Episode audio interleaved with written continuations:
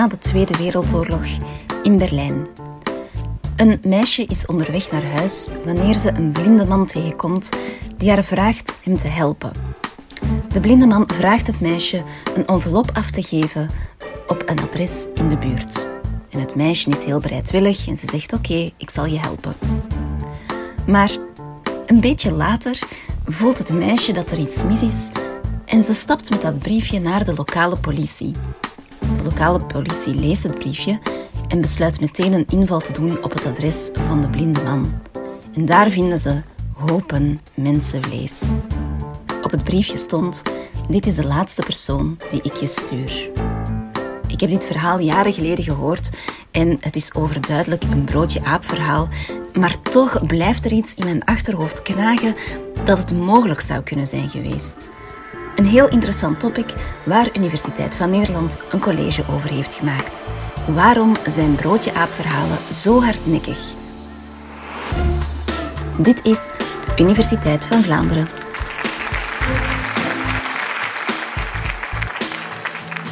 Waar worden inktvisringetjes van gemaakt? Ja, van inktvis natuurlijk. Hè? Maar in 2013 was er een vrouw die voor het CDA in het Europarlement zat. Die liet onderzoek doen naar voedselveiligheid.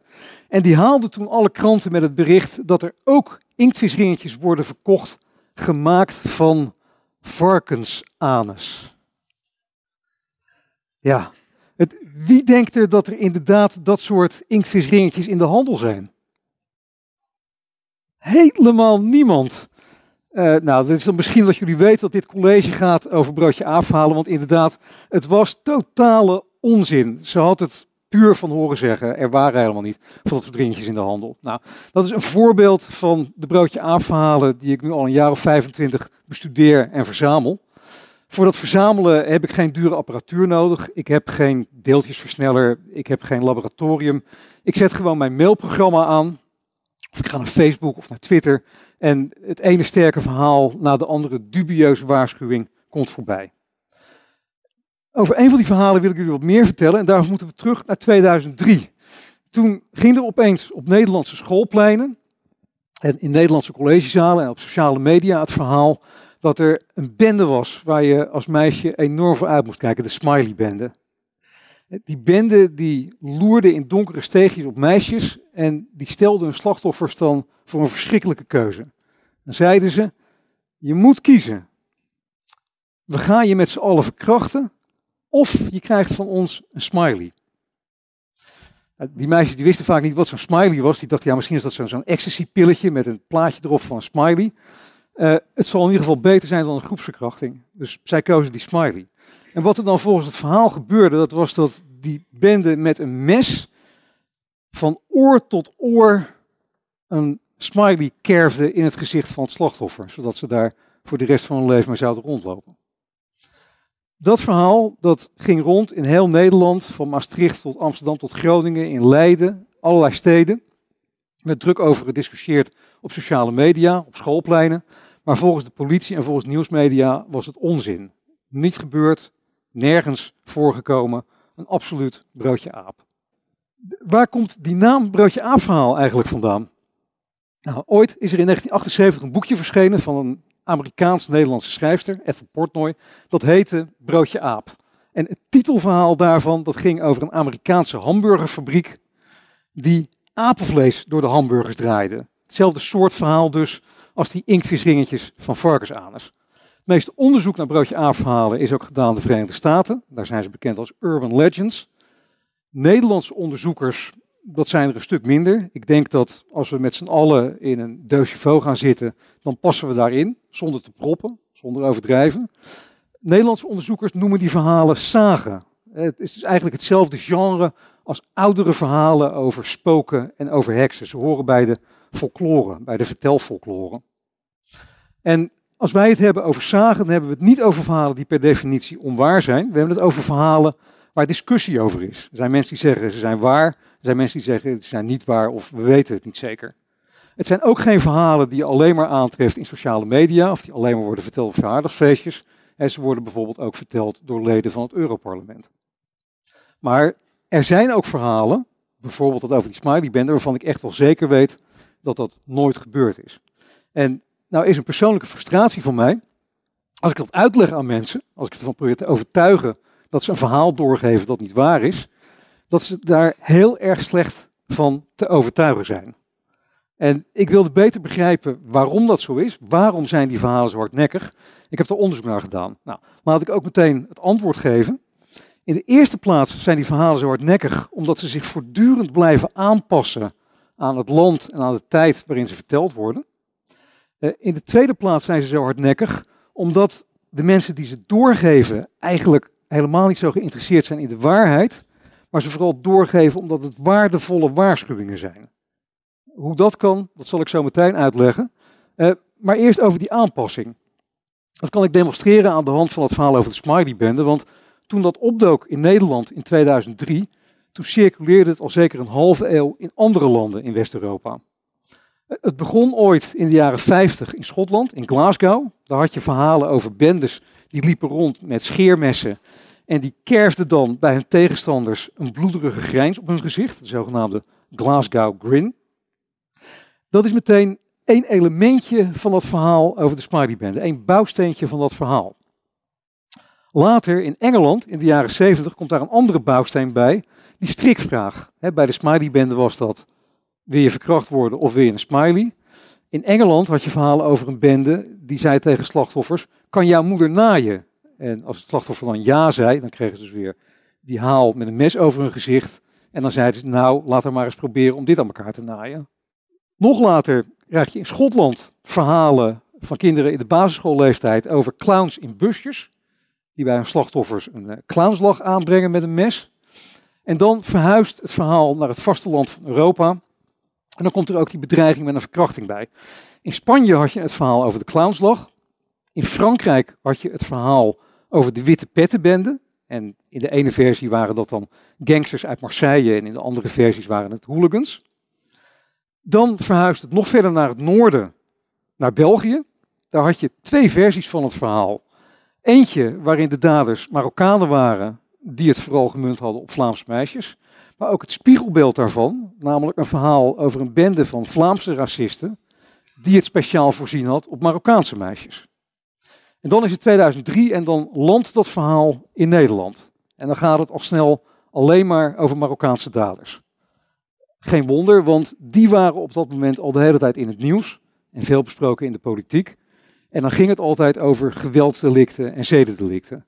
Ze werden in verband gebracht met overlast op straat, zinloos geweld, loverboy-praktijken uh, en groepsverkrachtingen. Nou, al die alarmerende verhalen, al die delicten worden als het ware samengebold in dat verschrikkelijke verhaal over die Smiley-bende.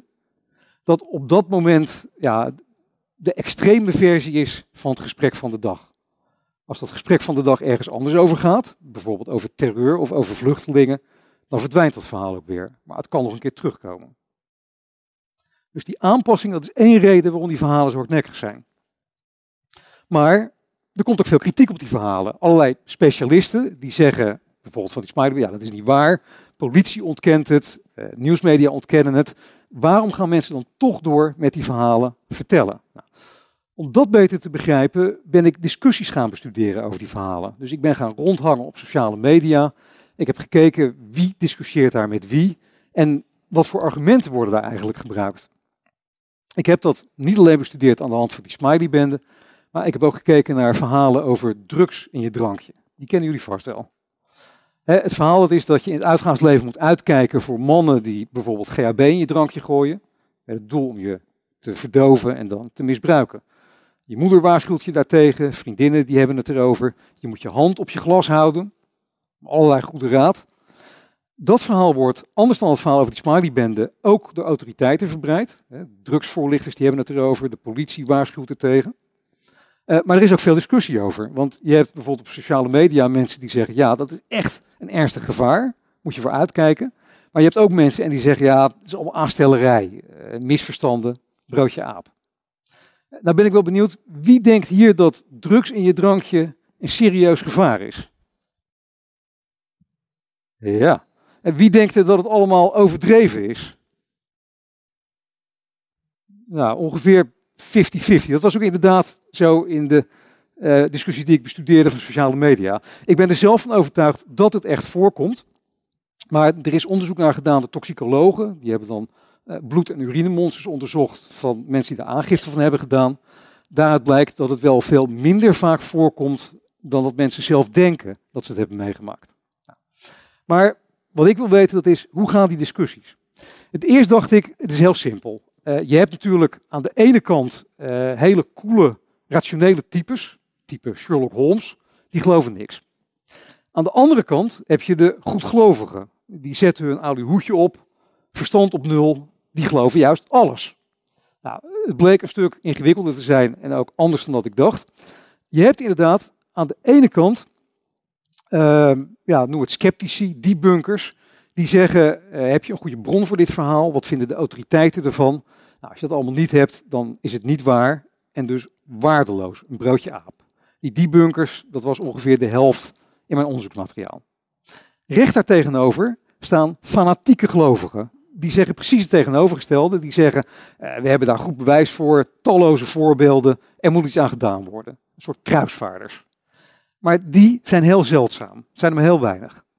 De meeste mensen die die verhalen doorgeven, die doen dat niet omdat ze er heilig van overtuigd zijn dat ze waar zijn, maar omdat ze denken, ja, het zou best kunnen. Je weet maar nooit. Die redeneren zo. Je weet niet of die smileybende bestaat. Je weet niet of er in die bar waar jij naartoe gaat iemand is die GHB in je drankje gooit. Maar je kunt er maar beter rekening mee houden. Want het is altijd goed om niet in je eentje door een donker steegje te fietsen. En het is altijd goed om niet alles op te drinken wat iemand je aanbiedt. dus dat zijn de je weet maar nooit gelovers. Dan heb je nog een vierde groep. Eh, ik noem ze de ervaringsgelovigen. Uh, die vond ik alleen maar bij die discussies over drugs in je drankje. En die zeggen, ik denk dat ik dat heb meegemaakt. Ik ging gisteravond uit, ik dronk helemaal niks bijzonders en opeens werd ik helemaal raar. Misschien heeft iemand wel iets in mijn drankje gedaan. Ze weten dat niet 100% zeker, dus in die zin lijken ze op die je weet maar nooit gelovigen en niet op de fanatieke gelovigen. Nou, toen ik dat voor me zag, die verdeling, toen begreep ik ook waarom die discussies vaak zo vruchteloos zijn. Want die partijen, de debunkers aan de ene kant en die je weet maar nooit gelovigen aan de andere kant, eh, die spelen wel op hetzelfde speelveld, maar volgens hele verschillende regels.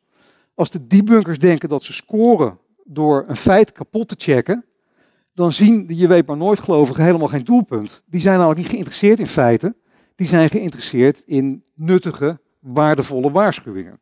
En toen ik dat helder zag, toen begreep ik ook beter waarom ook mensen die beroepshalve de waarheid en de leugen van elkaar moeten onderscheiden en die specialist moeten zijn op het gebied van geruchten en broodje aapverhalen, zoals journalisten of politieagenten, vaak toch ook die verhalen doorgeven.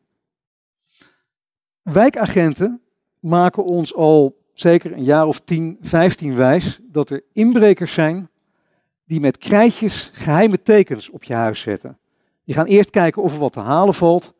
En dan zetten ze bijvoorbeeld uh, een driehoekje op je huis. Dat betekent hier woont een vrouw alleen. Of uh, een kartelrandje, dat is uh, gevaarlijke hond. Of een rechthoek, en die betekent deze mensen hebben een breedbeeldtelevisie. Die waarschuwingen worden ook verspreid door de politie. En mensen worden daar ongerust van. Dat gaan we zien in de volgende video.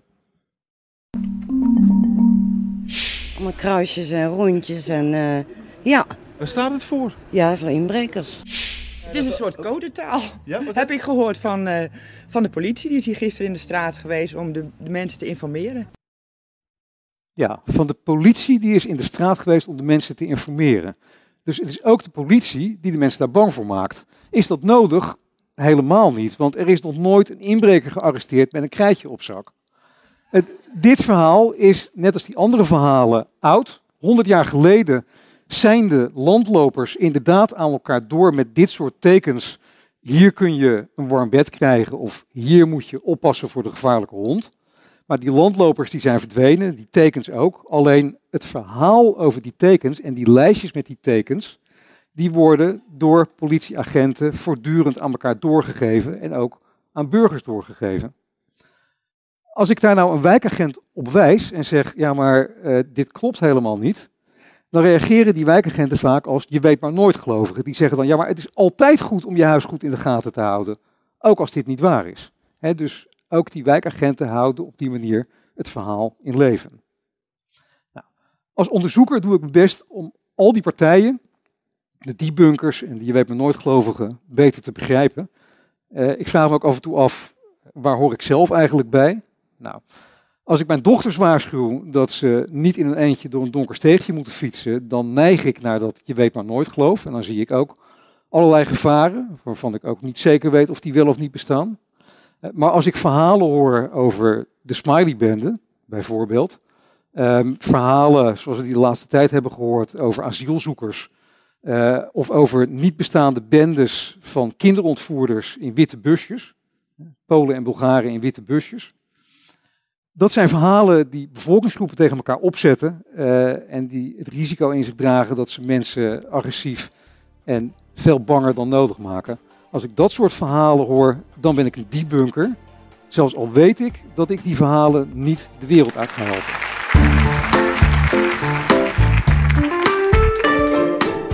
We hebben ondertussen een hele collectie van podcasts waar we het wetenschappelijk antwoord zoeken op fascinerende vragen. Heb je een suggestie? Mail ons via info.universiteitvanvlaanderen.be.